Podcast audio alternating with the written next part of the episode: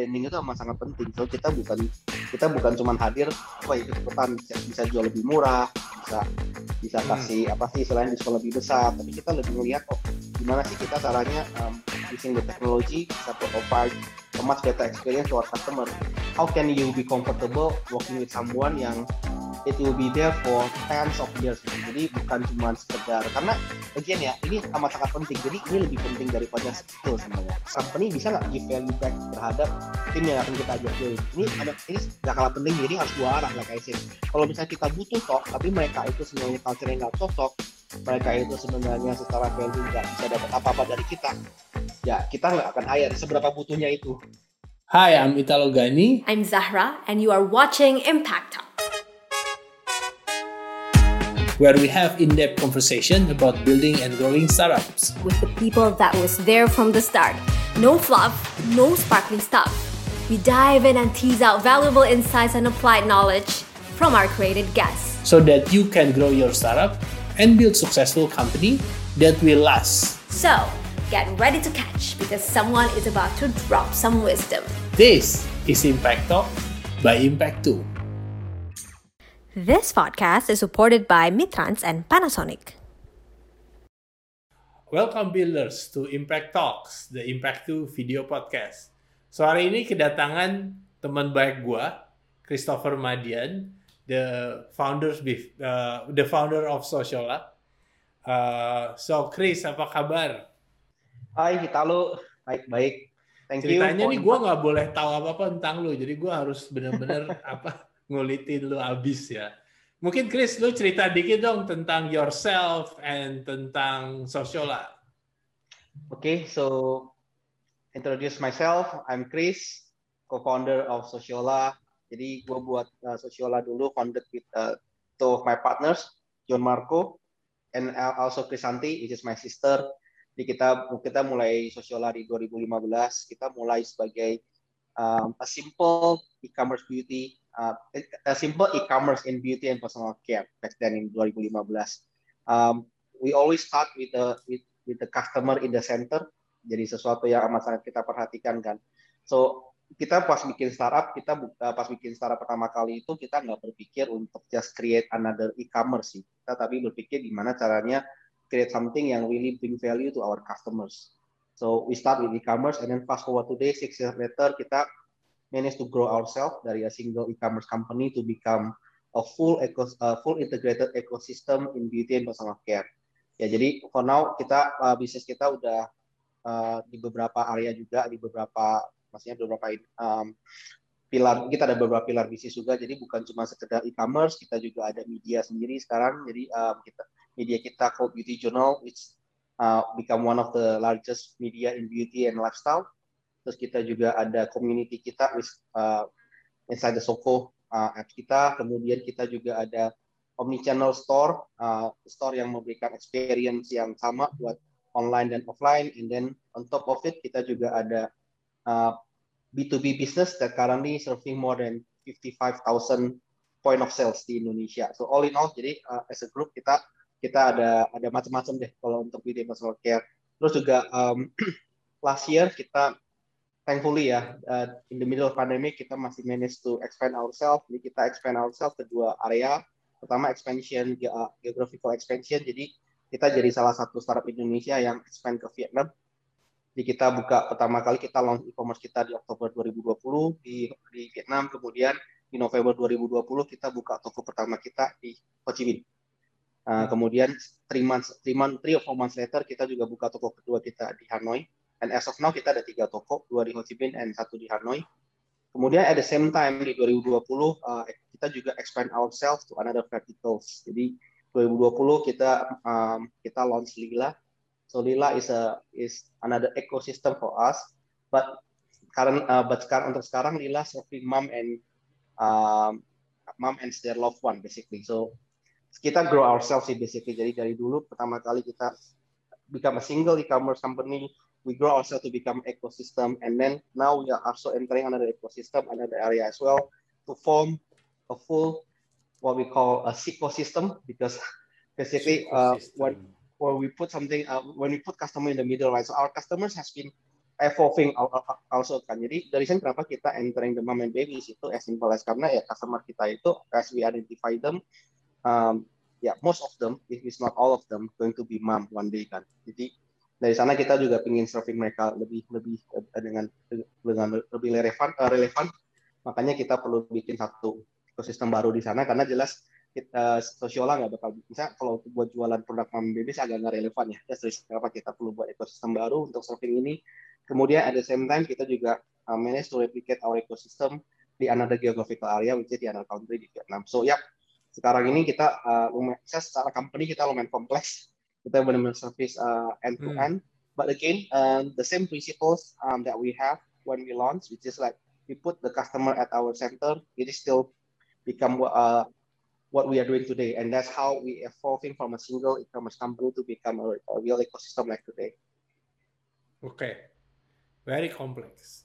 Chris, gue mau nanya dong, why you start lo, John, and Santi start beauty product? Idenya datang dari mana? Is it by design atau I don't know. And I think you guys are genius. I mean, lo milih sektor yang size-nya gede banget sih. Tapi why you start di sektor gitu.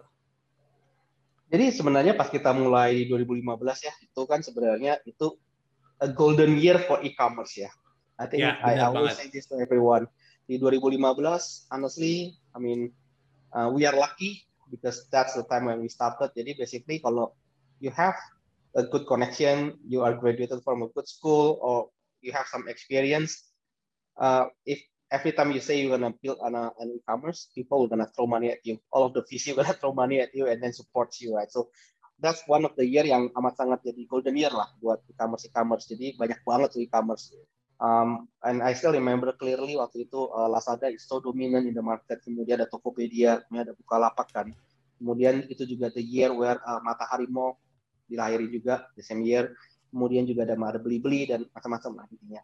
Jadi ya waktu itu kita melihat opportunity-nya. Um, I mean, as a tech guy, I always want to build a business in the technology. I think that's my become my first um, motivation kan. Are you a Tapi tech guy before? Emang lu tech guy? Ya combination lah tech before? guy. Enggak sih. Emang cuma sebelum always... lu bangun sosial, what kind of tech you build? Enggak kan? Enggak ada, cuma lulusan tech aja bro. But I always love oh, so then, okay. yeah, basically it, it is it is all uh, all about the opportunity juga yang kita spotkan. Maksudnya um, technology has been widely used uh, in order to I'm not gonna say disrupt the market, tapi lebih ke providing a better experience lah to our customer. So basically that's the key things kan. Jadi kita lihat ya uh, waktu itu e-commerce the only things yang maksudnya yang, yang waktu itu yang, yang benar-benar booming dan kita kita bikin sebenarnya bukan cuma ikut, maksudnya kita bukan ikut-ikutan lah ya, tapi kita benar-benar melihat um, industri beauty ini salah satu industri yang very underserved masih di Indonesia. Waktu itu, um, jadi to give the background, udah ada sih player beauty yang gede, namanya Luxola. Gitu. Hmm, iya benar. Udah gede, mereka udah udah ada di six countries, mereka international companies, uh, mereka I think I don't know maybe three three four years uh, udahan ya di market dari 2012 2011. Jadi mereka udah lumayan dominan sebenarnya. Kemudian tapi kita ngelihat di Indonesia sendiri nggak ada player Indonesia yang serving that uh, apa serving that segment, segment uh, and then kita juga merasa beauty itu perlu vertical sendiri nggak bisa di serve sama all this horizontal karena one of the key things in beauty itu kan trust yeah. nah kita juga uh, selain kita ingin maksudnya um, maksudnya selain dari sisi teknologi ya kita percaya teknologi kan satu hal yang bisa kita provide ya to, to, give a better service to our customer kan yeah. nah selain itu kita juga ngerasa beauty ini benar-benar butuh satu tempat di mana kan udah gak bingung ya masalah like, kita yeah. tinggal beli aja tuh udah gak ada teman kan back then di 2015 kan orang mau beli dari e-commerce tuh bukan cuma masalah trust akan barangnya atau seller spesifik sellernya, tapi trustnya itu e-commerce secara general. Gue beli barang online, ke antar nggak ya barangnya ke tempat gue? Jadi I think that is become the the, the challenge ya on our early years, di mana yeah. kita juga perlu educate market, kita perlu ini. Tapi kita percaya ya itu salah satu area yang amat amat sangat butuh trust lebih dibanding yeah. sama e-commerce lain. Jadi that's the reason why kita enter uh, beauty industry waktu itu ya tiga-tiganya kita nggak ada background beauty at all sih. Iya, makanya bukan datang atau Santi influence both of you probably. Yes, definitely Santi. Santi is the one that uh, in a way helping us to shape all of the branding inside. Tanpa ada Santi jelas gak mungkin ya kita bisa buat branding yang dua amat- cowok gitu ngebangun beauty. amat sangat beauty lah ya. Think Sociola is is for now ya. Um, thankfully udah jadi top of mind juga lah ya buat untuk uh, beauty uh, untuk beauty enthusiast kan. Jadi tapi again um, Santi waktu kita mulai dulu awal-awal banget ya we have a lot of challenge to be honest. Karena PR kita double. Jadi bukan cuma untuk get the trust for our customer like untuk e-commerce secara general tapi juga untuk get the trust from all these beauty brand supaya mau jualan di tempat kita Ya. karena mereka, for all of these beauty brand itu sebenarnya brand equity mereka kan tinggi banget tuh. Rata-rata produk beauty itu kan produknya udah puluhan tahun, ada yang ratusan tahun juga. Dan mereka itu kan em, bisa dibilang kan menikmati eh, marginnya cukup baik lah. Karena mereka secara brand kuat banget kan, seperti Apple kalau kita buat elektronik. Nah, Ya, jadi ya, kan ya. karena karena karena brand equity yang tinggi itu mereka nggak bisa sembarangan juga jualan tempat orang. Uh, not to mention bukan cuma jualan sembarangan tapi juga e-commerce jadi salah satu yang yang apa ya sesuatu yang baru banget waktu itu buat mereka. Jadi ya we Hmm. really need to be, uh, be able to position ourselves as their partner. Uh, Hmm. Dan waktu itu ya there's a lot of apa ya homework yang kita perlu kerjakan. Jadi trust trust isunya bukan cuma dari sisi customer tapi juga dari sisi suppliers. Ya, thankfully I think that is one of the great things that as a team kita achieve sama-sama waktu itu. Jadi kita bisa dapat trust dari suppliers, eh, kemudian vice versa Ya. kita juga mulai building, building trust with our customers, and ya here we are today. Jadi itu itu jadi salah satu kunci kita sih sebenarnya. Nah, Chris, sedangkan your background kan you don't have um, ya tadi gue bilang you are a tech graduate but you running uh, business uh, setahu gue uh, a seafood business ya seafood business so you don't have a background of tech ini kan sebenarnya impact ini kan banyak uh, empower early stage startup gitu jadi mungkin beberapa founders yang masih early gitu kan how do you start e-commerce is it apa yang menginfluence akhirnya loncat ngebangun e-commerce? Is it just you've been curious emang udah lama atau somebody actually uh, apa poke you why don't you start in e-commerce atau apa ya? Enggak sih, kalau secara jujur ya, pertama like I said kan, um, I love tech kan, tech is become one of the things yang Hmm. gue always have a big passion. Jadi Hmm. even though when I run a seafood uh, factory, I can claim my seafood factory maybe one of the most apa ya, the most advanced lah in terms of Oh, iya? technology. Waktu itu Perlu iya. funding nggak? itu udah profitable bisnis sih. Jadi beda kita sama startup Tapi lain. perlu di Cuman scale kali. skill skill kita skill juga. Tapi again Nice. karena karena ada beberapa hal yang maksudnya yang yang selama ini ya. uh, tapi kita talking about uh, 2015 ke bawah ya di mana ya teknologi itu masih sesuatu yang amat sangat baru lah. Mhm. Um, waktu itu masih zamannya BlackBerry tuh. ya. kita mulai ya jadi um, iPhone definitely masih belum terlalu populer 2012 ya kalau nggak salah iPhone baru lahir kan jadi again uh, all in all itu itu sesuatu yang kita kita mulai waktu itu dan ya back to your question kalau um, the key is I love tech and I, I want to I want to have uh, to build some a tech company yang benar-benar apa ya benar-benar bisa dibanggakan nih and again Hmm. um, we also want to be famous for an Indonesian company yang selain maksudnya selain bisa bisa apa ya berjaya ya di market kita sendiri juga bisa expand ke mana-mana juga. Tapi core Hmm. kita selalu teknologi. Jadi beauty uh, beauty commerce itu kan salah satu bisnis bisnis kita ya. Jadi dari awal kan kita bikin bisnis ini kita fokus di beauty. Kan sekarang ini kita udah mulai masuk ke non babies. Tapi again all of this um, within the six years itu apa yang kita bisa achieve itu uh, it is all possible just because of is being enabled by technology. Jadi we Hmm. have invested a lot di sana um, in terms of all of teknologi yang kita bikin. Jadi kita sebenarnya sebenarnya uh, as a founder, I don't envision that we build all of the technology yang people nggak ngerti sih. Tapi lebih ke teknologi gimana kita caranya memanfaatkan teknologi yang bisa berguna atau bisa giving more value to our uh, to our customer. So that's that is gonna be always the key of the development for us. Jadi dari sana pelan-pelan kan maksudnya kita build paling gampang misalnya paling gampang bukan pertama kan pastinya ya aplikasi e-commerce kita lah itu kan nggak pasti awal-awal itu kan all buat teknologi kemudian uh, kita masuk ke media kita juga bikin platformnya sendiri semua. And then after that pas kita bikin omni channel store uh, if you go to one of our social store itu sebenarnya di dalamnya itu udah equipped with a lot of technology yang kita bikin sendiri juga. Dari uh, mesin kasirnya dari POS-nya kemudian dari uh, sistem sistem uh, kita untuk menentukan price jadi harga kita di online dan offline itu selalu sama uh, Hmm. across Indonesia so every time kita change price di kita punya online, at the same time itu akan get synchronized ke semua store kita yang offline at the same uh, at the same time juga.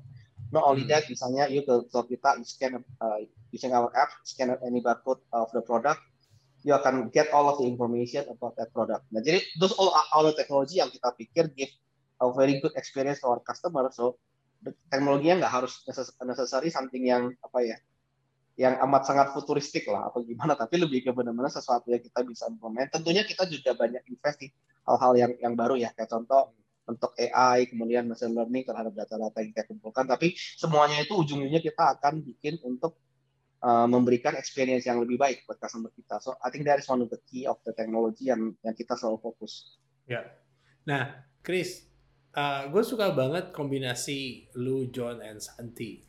How important is this partnership dan kalau lu bisa ngasih advice to some the early founders, sebenarnya komposisi partner tuh yang paling bagus tuh kayak gimana sih? Is it two partner, three part, uh, three partner, three co-founders? Itu uh, komposisinya sebenarnya yang terbaik seperti apa ya?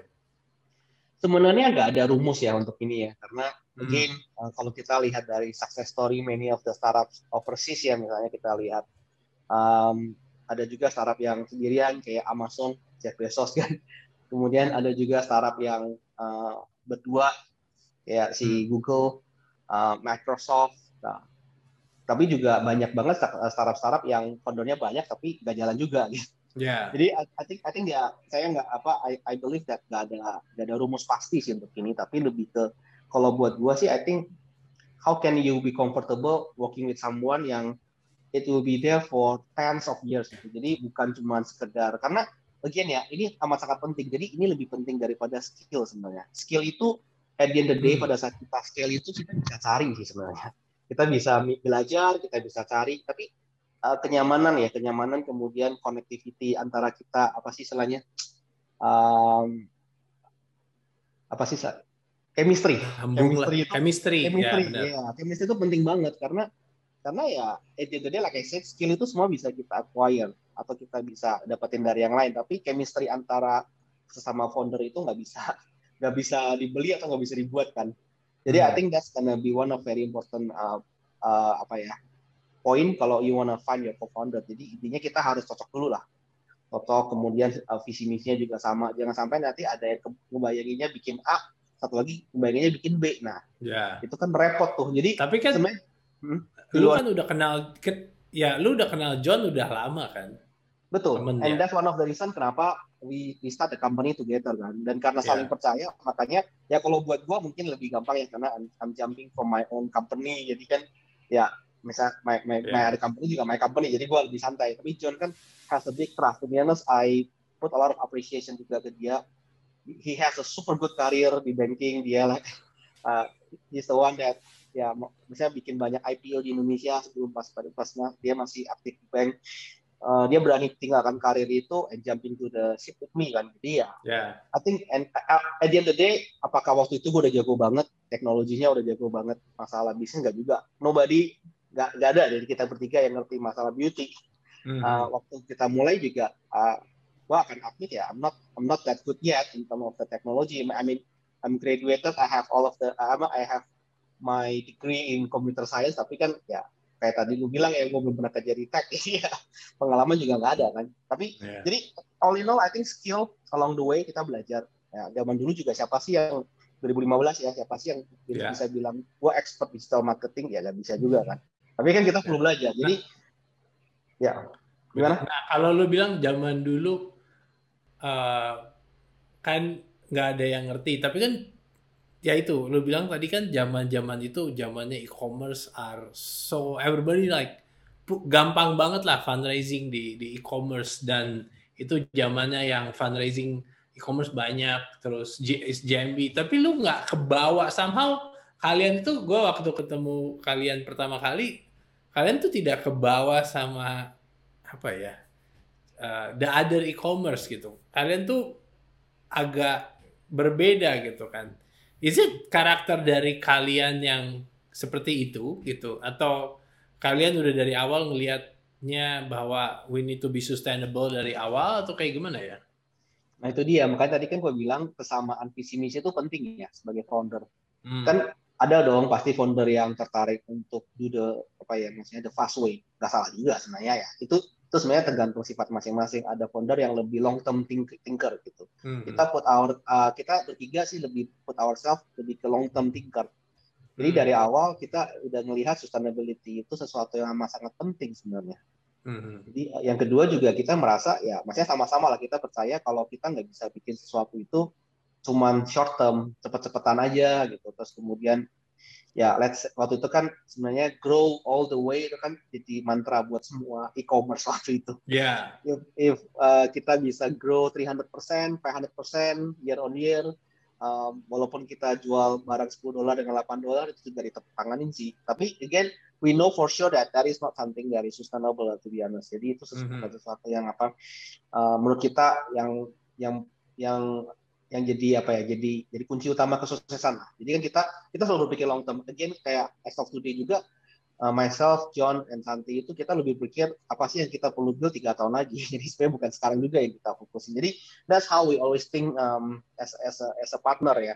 Dan kita kita lumayan fluid bertiga juga. Jadi kalau kita juga lumayan apa ya lumayan fluid dalam arti kita nggak cuman oh si John ngurusin A, si Chris ngurusin B, Sati ngurusin C. Kadang-kala ya kita saling putar-putaran aja, jadi sama-sama belajar lah kita bicara ya. Hmm. Jadi ujung-ujungnya uh, ya sama-sama semua bisa mengerti macam-macam. But again, back to the, back to my point, kesamaan visi itu benar-benar amat sangat penting karena at the end of the day kita berpikir kita mau bikin sesuatu, tapi kan pivot itu amat sangat normal ya di semua yeah. startup kan. I think there is no way kita ada, ada company atau startup yang dari awal pikirnya mau bikin ah lima tahun kemudian benar benar bisa bikin A. I don't think there's a case like that. Even Google yeah even Facebook kan, even yeah. apa sih, even Microsoft, even Apple kan, dari awalnya sama hari ini udah beda banget tuh.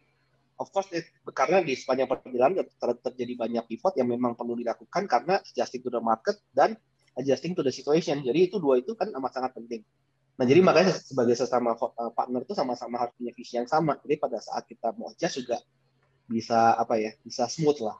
Hmm, hmm. Chris, lu tuh kan ngebuat gue gue selalu bilangnya apa ya? Sosialnya tuh susah banget dideskripsikan perusahaan apa? Dibilang perusahaan e-commerce yes. Distributor iya gitu kan. So dari pertama kali kita ketemu you build something gitu yang unpredictable gitu. Oh akhirnya dia build ini dia build ini gitu kan.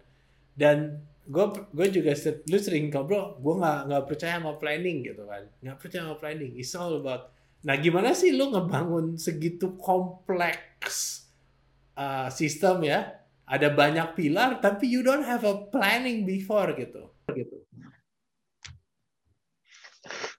Sebenarnya let's put it this way ya.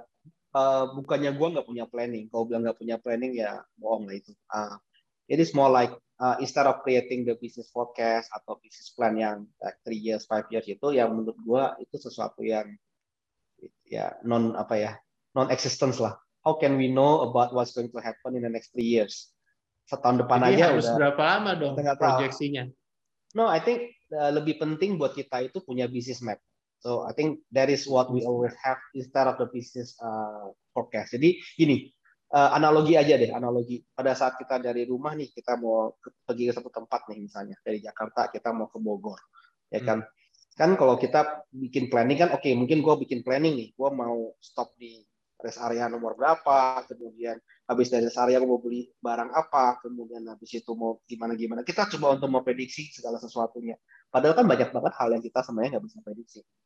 Jadi, nah kalau misalnya bisnis map buat kita ya kayak semacam peta sebenarnya peta. Jadi kita harus tahu kondisi kita hari ini apa. Dan ini yang gue selalu tekankan pada saat sharing ke, ke banyak founder-founder yang muda, terutama di Impacto ya. You have to know your own resources. Resources kita tuh penting jadi kita harus bisa identify what is our weakness, what is our strength. That's number one kan. Kemudian kedua kita juga harus tahu posisi kita hari ini di market di mana. Kemudian apa sih keinginan customer kita yang benar-benar core, yang perlu kita serve. Kadang-kala kan keinginan customer itu bisa diidentifikasi dengan gampang, tapi kadang-kala juga mereka nggak ngerti apa yang mereka mau, tapi kita harus tunjukin ke mereka ini loh sebenarnya yang lu butuh, ya kan? Yang ketiga juga how is the market landscape? I'm not gonna say competition karena buat kita sebenarnya kita nggak terlalu fokus ke competition, kita cuma look at our customer and our resources. Tapi market landscape itu maksudnya kita juga perlu identify juga saat ini market ada di mana, potensialnya seberapa besar.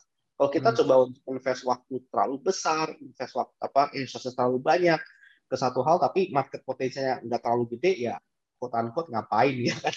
Ujung-ujungnya kan malah buang waktu segala macam. Jadi understanding itu buat kita itu semacam business map. Sama kan pada saat kita dari Jakarta ke Bogor kita nggak perlu tahu nggak perlu bikin terlalu banyak plan mau stop berapa kali mau beli apa nggak usah. Tapi kita punya map. Jadi pada saat kita jalan again this is again the same way of uh, when we talking about the journey of the startup. Mungkin tiba-tiba ada macet karena tiba-tiba ada mobil mogok di tol ya Hmm. kan? Kalau kita punya map kita tahu oh, habis ini kita oke lewat sini nggak bisa kita lewat belok mana nih supaya nggak macet. Kemudian pada saat kita oke kita ingin beli kopi nih. Starbucksnya tutup. Ya udah. Tapi kan kita ada map kan. Kita tahu oh next coffee shop di mana. Nah jadi sama kurang lebih konsepnya. Gimana caranya? Instead of kita coba untuk do a lot of planning yang mungkin mungkin nggak terlalu apa ya nggak terlalu berhasil. Karena kita akan habis banyak waktu di sana mikir jadi takut terlalu banyak ABCD tapi ya nggak jalan-jalan gitu. Karena at the end of the day what makes the difference between a successful entrepreneur and versus a non so successful one itu ya I think the, the ability to execute and the, the ability to apa ya to make things happen kan.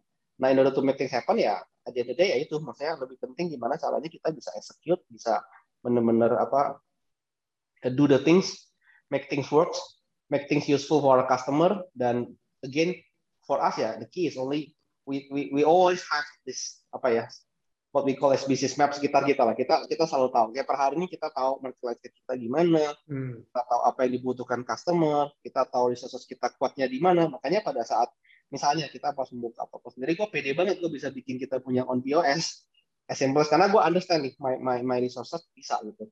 Hmm. Ya jadi jadi I think understanding resources itu benar-benar amat sangat penting. Jadi kita nggak nggak memaksakan untuk diri kita ikut-ikutan kompetitor karena itu juga Hmm. menurut gua banyak kesalahan yang dilakukan oleh uh, apa ya uh, early early startup founder ya mereka terlalu melihatin oh kompetitor gua bikin ini gua harus ikut-ikutan bikin padahal resource-nya Ya. belum cocok ya kan Ya. terus kedua customer-nya mungkin belum tentu butuh karena walaupun kita serving the same segment tapi kalau customer-nya bisa beda loh nah kadang-kadang kita benar-benar sulit di situ Oke.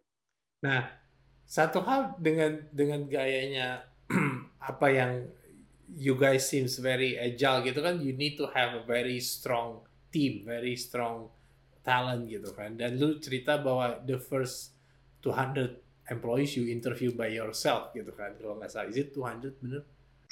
500 bahkan plus Nah, boleh cerita nggak why you interview the first 500 then how you interview uh, uh, people for startup gitu kan. Jadi gini ya, pas kita bikin bisnis, kalau kita pikirnya kuncinya ada sustainability, of course people is become number one factors di luar di di, di atas apa pun itu. Jadi Hmm. uh, tim kita itu jadi benar-benar jadi core kan. Uh, artinya di dalam tim kita kita harus bisa bikin satu core value atau satu culture yang benar-benar semua orang bisa enjoy. Jadi di Sosiola awal kita mulai sampai hari ini kita punya core value atau set culture yang benar-benar sama dan konsisten and that's something that really guides us along the way until hari ini. I know banyak company atau banyak uh, apa ya banyak company yang bikin core value atau bikin culture gitu cuman sekedar buat looks nice aja. So my advice kita harus benar-benar spend time sih as a founder untuk fokus ke sana juga. Itu bukan sesuatu yang nomor dua. Karena ya to be honest, I also see a lot of uh, founder pas awal-awal itu mereka benar-benar fokus ke produk. Mereka benar-benar fokus ke bisnis banyak juga yang fokus ke fundraising. Tapi mereka lupa fokus ke building the team. Fokus ke you know recruit uh, the best talent. Sebenarnya bahasanya juga bukan rekrut lah tapi gimana caranya kita bisa sell our vision to ask people to join especially when we are at a much smaller stage kan. Itu amat sangat penting. Uh, that's the reason kenapa I need to do it myself karena uh, bukannya I don't trust people tapi I need to ensure kalau misalnya orang yang kita ajak join ke tim kita itu adalah seseorang yang benar-benar culture-nya sama. I'm not saying that all of the people inside Social Bella itu uh, mereka the best enggak juga. Mereka juga bukan the worst for sure ya, tapi kita kita bukan cari yang the best, tapi kita cari yang culture-nya pas, culture-nya mirip sama, prinsipnya sama kayak kita pilih co-founder. Kenapa? Karena again, this is all the people yang akan drive the ship together kan. Jadi that's how I look at how important culture sama teamwork itu benar-benar jadi satu kesatuan. And that is to be honest, kalau if you ask me all of all of the things yang kita build teknologi lah, bisnis model lah, uh, macam-macam itu I, I'm, I, I will put people uh, or our team as number one dari apa ya dari yang bisa dari kesuksesan yang kita capai gitu loh. Karena tanpa ada tim dan tanpa ada ada ada apa ya ada ada hard work dari all of the people inside the social bella ya nggak akan bisa ada hari ini sih maksudnya ada semester how smart of us ya nggak akan bisa juga gitu not to mention kalau seberapa banyak challenge kan terutama kayak for example the last pandemic the last two years ya maksudnya kan banyak banget yang perlu kita perlu kita apa ya perlu kita ganti tiba-tiba gitu bayangin kalau misalnya kita as a big group ini kita nggak punya satu core value yang sama kita nggak punya culture of working yang sama apa yang terjadi akan amat sangat susah kan Makanya that's how important kita bisa, kita perlu benar-benar put focus on on all of this. Jadi the reason kenapa I need to do interview myself ya. Pertama, of course, waktu itu kita benar-benar kayak pingin apa ya, pingin maksudnya pingin ensure culture-nya tuh mirip lah. I'm not saying that we have the best culture in the world juga, tapi kita benar-benar kayak ensure culture kita ya culture kita gitu. Pas kita masuk, uh, kemudian di sana juga kita ensure semuanya bisa enjoy, semuanya bisa berkembang sesuai dengan kemampuan mereka. Nah, building all of this ini agak susah kalau founder nggak turun tangan sebenarnya. Of course I have all of the team SR yang yang apa ya yang hebat yang bantuin gua juga di belakang. Tapi perlu ada penyesuaian juga. Jadi mereka juga perlu ngerti, perlu kenal gua lah istilahnya. Perlu jadi sometimes I don't spend an hour, I maybe I'll spend five minutes, ten minutes, tapi not on, not not to interview them, tapi to introduce myself juga ke mereka.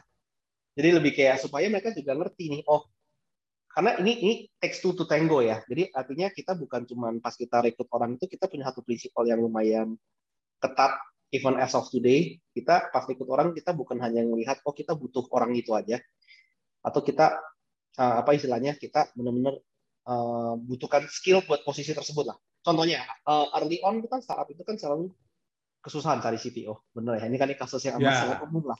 Classic Jadi semua problem semua visi itu akan bilang, oke, okay, I give you money kalau bisa hire CTO. Sosiola hmm. itu nggak punya CTO sampai tahun keempat ya. Again, ada CTO, no?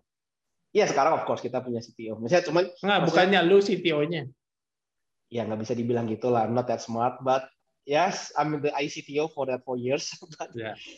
but I, I think the key thing is uh, the culture itu penting. Jadi gini, uh, buat kita itu benar-benar kita nggak pingin cuman kita butuh banget betul kita butuh banget kita waktu itu butuh banget CTO kita butuh banget waktu mau bikin toko kita butuh banget orang retail pas kita mau bikin B2B kita butuh banget orang distributor kan pas kita mau bikin media kita butuh banget orang media tapi butuh ini juga harus diimbangin dengan secara company bisa nggak give value back terhadap tim yang akan kita ajak join. Ini hmm. ini gak kalah penting, jadi harus dua arah like I said.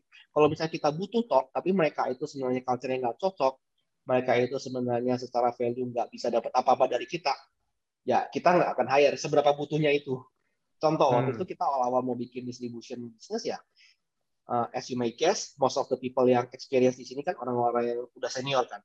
Mereka udah enjoying the best position di many of the uh, multinational company, mereka udah benar-benar sukses lah. Yeah. Kita butuh nggak skill mereka? Butuh. Can we pay? Yes, of course. We, we uh, maksudnya as a, as a company kita juga lumayan scale out gitu. Tapi permasalahannya adalah bukan masalah hijack atau masalah apa ya, masalah bisa bayar atau masalah uh, perlu atau enggak, tapi juga kita melihat pas kita ajak mereka masuk, cocok nggak culture-nya, cocok nggak mereka untuk bisa apa bisa dapat value dari kita juga. Karena kalau kita nggak bisa kasih value as a company, ya kita juga nggak mau uh, apa ya menyusahkan orang lah. Sampai-sampai riset dari yeah. company lama dia di posisinya dia udah enak kita yeah. ajak di join cuma untuk tiga bulan kalau probation kan juga nggak bagus. Jadi I think that is also one of the things di mana uh, it is very important uh, take your time. Uh, be, lu mending lu mending nggak hire orang sama sekali karena pada saat lu nggak hire orang itu posisi bolong semua orang akan ngeliatin akan akan berusaha fokus ke sana gitu. Daripada kita salah hire. Kenapa salah hire orang semua termasuk kita sendiri as pada akan merasa oh ini dari kerjain tapi ternyata kerjanya salah salah kaprah dan bikin semua orang itu di, di tim kita akan stres tuh. Karena ya, ya fixing things lebih hard lebih susah daripada building things kan. Ya, jadi ini sesuatu yang sangat kita again I'm not saying that we don't uh, kita kita juga like myself juga do a lot of wrong hire lah. Tapi ya kita selalu juga try to fix ourselves juga. Kita terlalu uh, kita juga selalu try to continuously improving our uh, hiring proses kan. Yeah. Karena again the win-win uh, win-win ini benar-benar perlu banget sih. Otherwise ya as a company kita nggak bisa sustain the growth karena company itu kan rata-rata itu mungkin ya untuk startup untuk grow itu let's say kalau misalnya produknya bagus kemudian tam, uh, target target ada sebelum marketnya cukup besar punya network yang bagus dapat support money yang oke okay, dari visi-visi kan grow-nya gampang sebenarnya. Yeah. Masalahnya grow-nya skill nggak karena pada saat grow itu timnya harus kuat quote unquote hire sembarangan karena untuk sustain the growth, nah akibatnya berantakan, habis itu ngulang lagi dari awal. Nah itu Ya, itu ya. itu penting banget tuh. Jadi makanya seberapa pun tim kita, kita harus benar-benar fokus on on apa ya, on, on good practice of making a, a- a teamwork itu jadi penting. Kemudian juga environment working kita jadi benar-benar baik juga. Kalau advice dari lu, Chris, gaya lu interview itu kayak gimana sih? Gaya social interview itu kayak gimana sih? Dari dari SC atau apa gitu kan? Secara psikologik test, secara skill test ada lah pasti ya. Maksudnya itu kan lumayan Hmm. standar ya, tergantung dari posisinya apa. Tapi kalau buat kita simple. Pertama itu ini ini ini apply to every one of us. Kemudian juga dari Hmm. tim SR terutama yang dilakukan ini. Pertama tadi gue bilang selain skill integritas dari kandidat, kita juga benar-benar harus fokus can the company give the value back to the candidate itu itu benar-benar penting banget tuh. Kalau enggak ya nggak nggak lolos. Seberapa butuhnya kita like I said kan. Karena kalau Hmm. misalnya kita nggak bisa give value ya orang itu masuk ke kita nggak tahu berapa lama juga misalnya either dia nggak perform atau atau dia sendiri nggak betah kan. Itu yang pertama. Yeah. yang kedua I always try to find a- an excellent quality out of the ordinary juga. Jadi not necessarily graduated from the top university not necessarily uh, working in the best startup before like all of big tech company in the in the US Hmm. not necessarily juga pernah kerja di multinational company atau ha, atau has multiple experience enggak juga enggak juga buat kita itu adalah buat gua itu pribadi I try to tadi gue bilang excellence in the, in the some ordinary thing jadi gimana sih mereka melakukan hal-hal yang biasa itu tapi dengan cara yang luar biasa itu penting sebenarnya karena Susah itu interviewnya tuh. Susah itu interviewnya. Enggak lah, enggak lah. I mean, we spend time, kita ngobrol 15 menit. Jadi buat gue interview itu lebih banyak ngobrol daripada benar-benar uh, apa Hmm. ya. Karena how can we find out all of the skills that we want from someone atau experience in an hour kan nggak mungkin lah ya. Maksudnya Ya. kan jelas impossible kan. Um, Hmm. Again, in most of the cases yang mau interview juga pasti udah persiapan untuk cerita Ya. macam-macam gitu. Terutama kalau Benar. pertanyaannya semua pertanyaan formalitas. Jadi uh, my advice ya spend maybe 10 to 15 minutes maximum untuk untuk dig on all of the formalities like the skill, background, historical experience, bla bla bla. Tapi spend Hmm. 45 minutes atau majority of your time itu lebih untuk ngobrol dan try to apa ya figure out is that someone that you need and someone that will be happy you working with Ya. them gitu untuk like I don't know forever maybe five years, 10 years Yeah. itu. Jadi itu itu penting karena karena ya at the end of the day kan itu sesu- seseorang yang juga akan lihat sering banget kan. Yeah. Selain itu juga mereka juga akan lihat lu sering banget. Jadi hopefully kita nggak sebut sama mereka, dia juga nggak sebut sama gua gitu. That's something yang sangat penting dan again ya juga maksudnya uh, one of the key yaitu yang yang yang, yang tadi gua bilang try to find some extraordinary things out of that Yeah. ordinary things itu. Itu itu itu bisa lah harusnya. Jadi dari ngobrol-ngobrol benar. kelihatan tuh.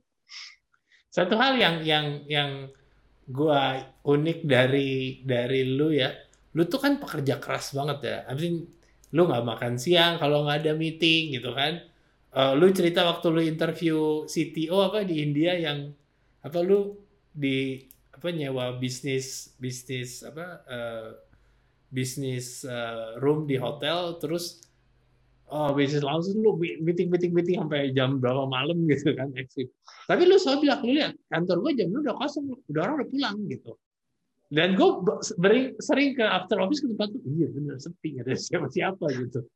Itu hal yang menurut gue unik sih. Tapi dan I know some of your team juga, I think ya yeah, is also a, a great person, hardworking. So ya, yeah, gue gue lumayan apa inspired by how you guys uh, build the talent. Nah, terus move on, Chris lu selalu bilang kalau ngebuat feature jangan sempurna sempurna lah langsung aja bukan bukan nanti langsung langsung jangan sempurna sempurna jangan sampai ideal gitu kan waktu ngebangun feature atau apa so can you elaborate that Okay, so on this two question ya, I think I can I try to answer it in one answer. Jadi pertama, I think we always need to believe in work smart instead of work hard ya. Jadi Hmm. baik lagi ke culture juga. Jadi sebenarnya pada saat 2015 dari awal kita berdiri sampai hari ini, Kostara kan selalu identiknya kan kerja keras, kerja apa ya, kerja romusa lah, kerja rodi gitu misalnya kan. Eh, semua kalau bisa pulang jam 2, jam 3 pagi bangga. Bisa sempat campaign kok pulang jam 3 pagi bangga. That's not something that we think that is right. Hmm. Again, bukannya kita mau sok gaya gimana, tapi ya I think working efficient is much more important than working hard karena kita kerja keras kalau misalnya kerjanya nggak efisien kan bikin capek kan jadi segala sesuatu yang bisa kita automate kita harus automate that's become one of the principle yang kita selalu pegang uh, apa pun yang karena itu part of the continuous improvement sama jadi sebenarnya cara kita doing the work and the way that we try to identify and perfecting our product sebenarnya sama aja. Kalau kita punya produk kemudian kita punya banyak banget fitur terus-terusan ditambah-tambahin tapi nggak smart, ya buat apa kan? Ujungnya nggak dipakai juga. Jadi sama yeah. kita kerja, kalau kerjaan kita banyak banget tapi nggak produktif ya buat apa? Mendingan nggak usah. Jadi as simple as misalnya contoh paling gampang yang bisa dieliminate dari banyak company dasar itu menurut gua banyak meeting. Semua company itu rata-rata waktunya habis buat meeting. Coba deh dikurangin. If you look at your own time and your, your people time itu meeting tuh akan benar-benar habisin waktu paling banyak. Hmm. Karena meeting kadang ngomongin hal yang nggak penting atau misalnya ngomongin hal yang nggak relevan, tapi diulang-ulang hmm. terus. Jadi itu really draining the energy kan. Yang kedua juga buat kita as simple as kalau misalnya ada ada project plan, you don't need to create any PowerPoint deck atau apa pun. Cukup selembar kertas lu tinggal ngomong aja, kalau tulis di papan tulis, selesai. We yeah. can get a million dollar decision like just like that gitu di tim kita. Jadi kita benar-benar simple on that part.